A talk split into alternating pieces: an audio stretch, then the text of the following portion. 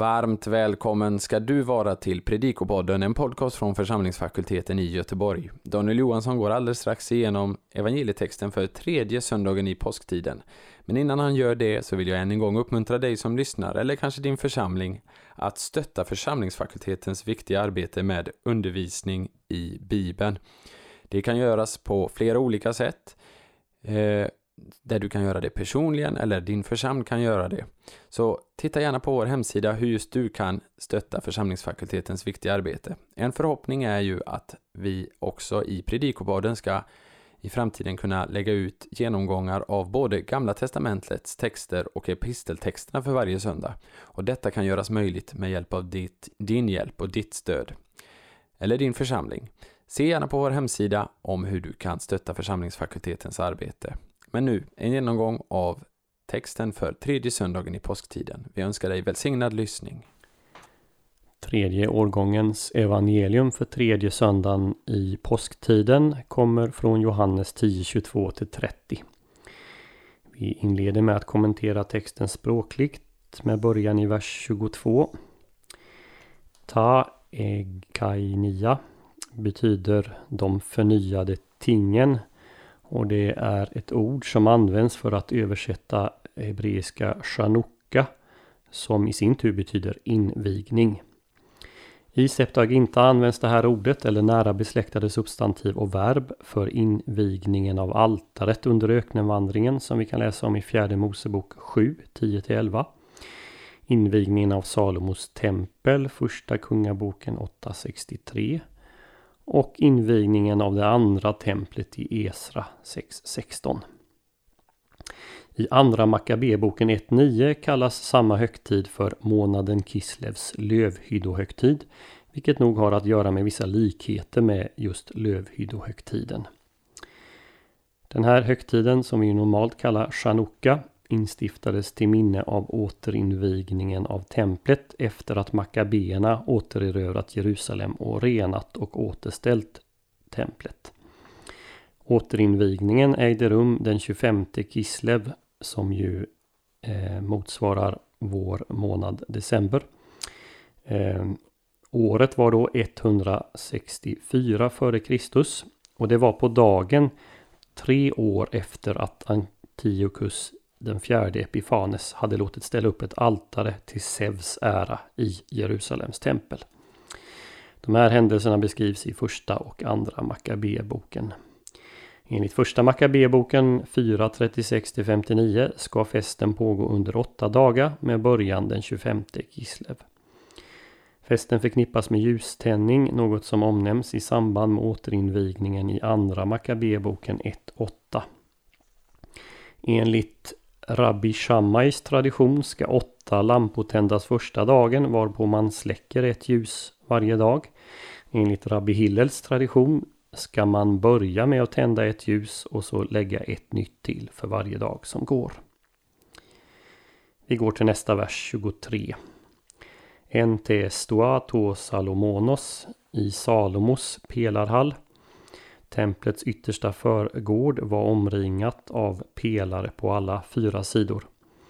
Den äldsta av de här pelargångarna låg på den östra sidan och förknippades med Salomo men den var byggd under den hasmoniska perioden innan Herodes påbörjade sin stora utvidgning och renovering av tempel och tempelområde. Den här pelarhallen skyddade från kalla östliga vindar på vintern.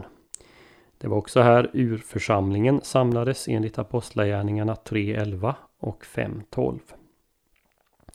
Notera att de svenska översättningarna vänder på Johannes eh, ordföljd eller beskrivning.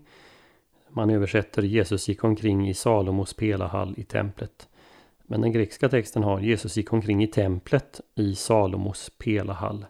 En allmän beskrivning följs av en precisering.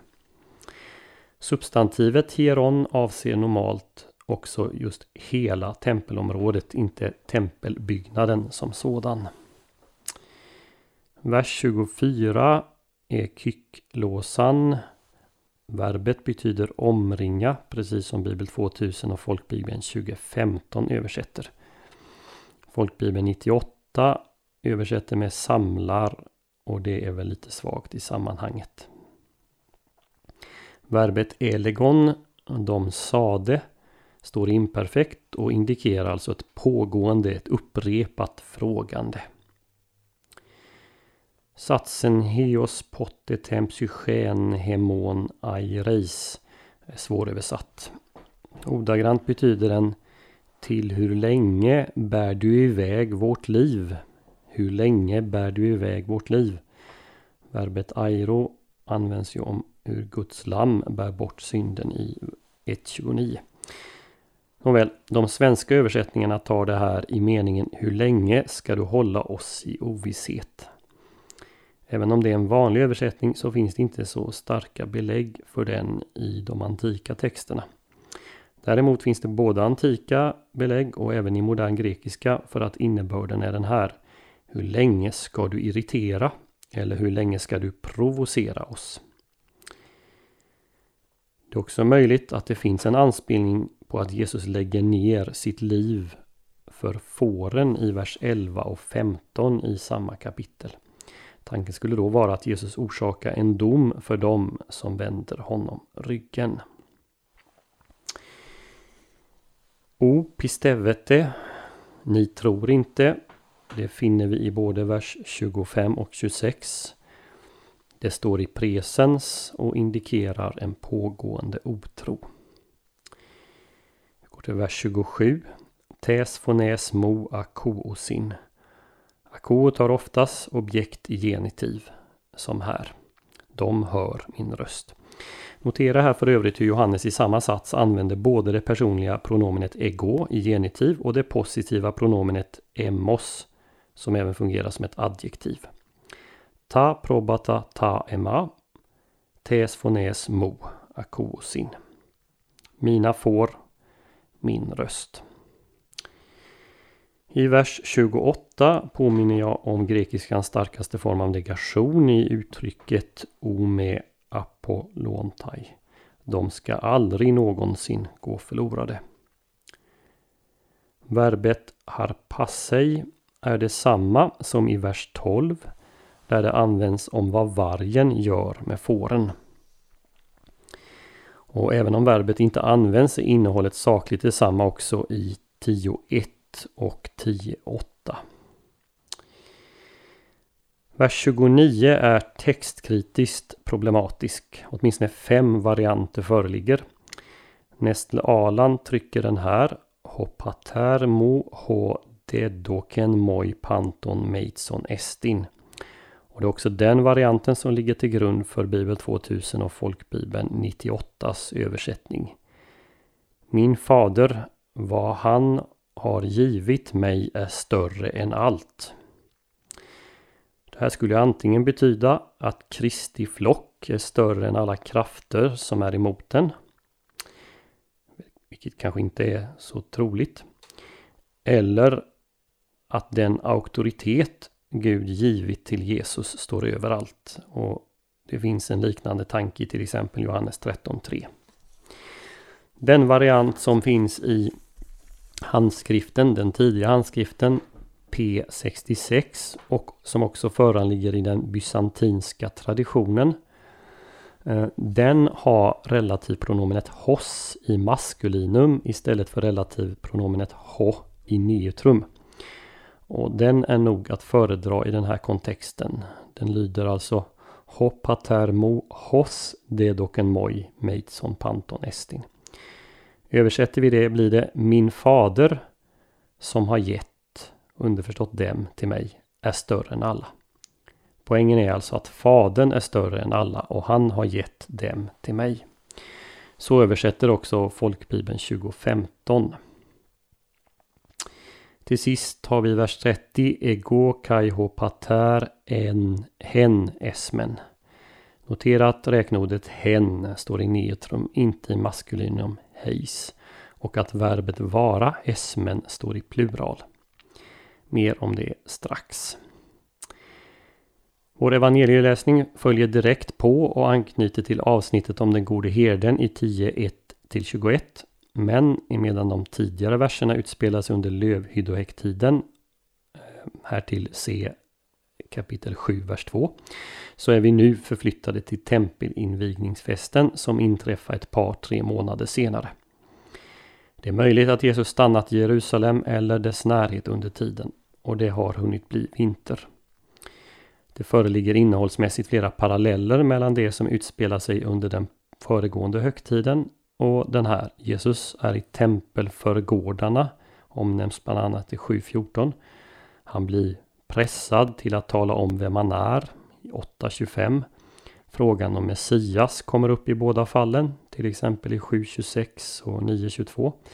Och i båda fallen slutar det med att man vill stena honom efter att ha anklagat honom för hädelse. Huvudfrågan i vår text den ställs i vers 24. Är Jesus Messias? I fortsättningen som följer efter vår evangelietext så ställs också frågan om man själv gör sig till Gud i vers 33. Vi kan dela in texten på följande sätt. Vers 22 och 23 beskriver omständigheterna. I vers 24 ställs frågan om Jesus är Messias. Vers 25-26 bevisar Jesus att han är Messias. I vers 27-29 så talar Jesus om syftet med hans messianska gärning och han upprepar herdetemat. Och vers 30 är ett klimax i avslöjandet av vem Jesus är. Så några kommentarer till detaljer i texten. Frågan i vers 24 påminner om översteprästens fråga vid rättegången mot Jesus, särskilt i Lukas 22.67. Och svaret är i princip detsamma. Jesus svar ”Jag har sagt er det” kan tyckas problematiskt vid första anblick. För ser man tillbaka i evangeliet så har han inte någonstans sagt att han är Messias, i alla fall inte offentligt. Undantaget är till den samaritiska kvinnan i kapitel 4. Men svaret syftar nog på hela Jesu gärning, tecken och undervisning. Han har sagt det genom sina gärningar, något som han också sedan påpekar. Gärningarna vittnar om mig. Svaret liknar det Jesus ger Johannes döparens lärjungar som enligt Matteus 11 får vara med Jesus för att se gärningarna han gör och sedan återvända till Johannes och berätta vad de har sett. Vers 27 och 28 sammanfattar tre viktiga och återkommande teman i Johannes evangeliet. Att den troende hör, att den troende har evigt liv, att den troende följer Jesus. Jag listar de här parallellerna i pdfen till podden på vår hemsida. Jesu ord om att ingen ska kunna rycka de troende ur Jesu hand och Guds hand har paralleller i Gamla Testamentet, i Andra Templets litteratur och på andra ställen i Nya Testamentet. Jämför här till Saltare 95.7, Jesaja 43.13, Salomos vishet 3.1, Romarbrevet 8.30 och framåt och Kolosserbrevet 3.3.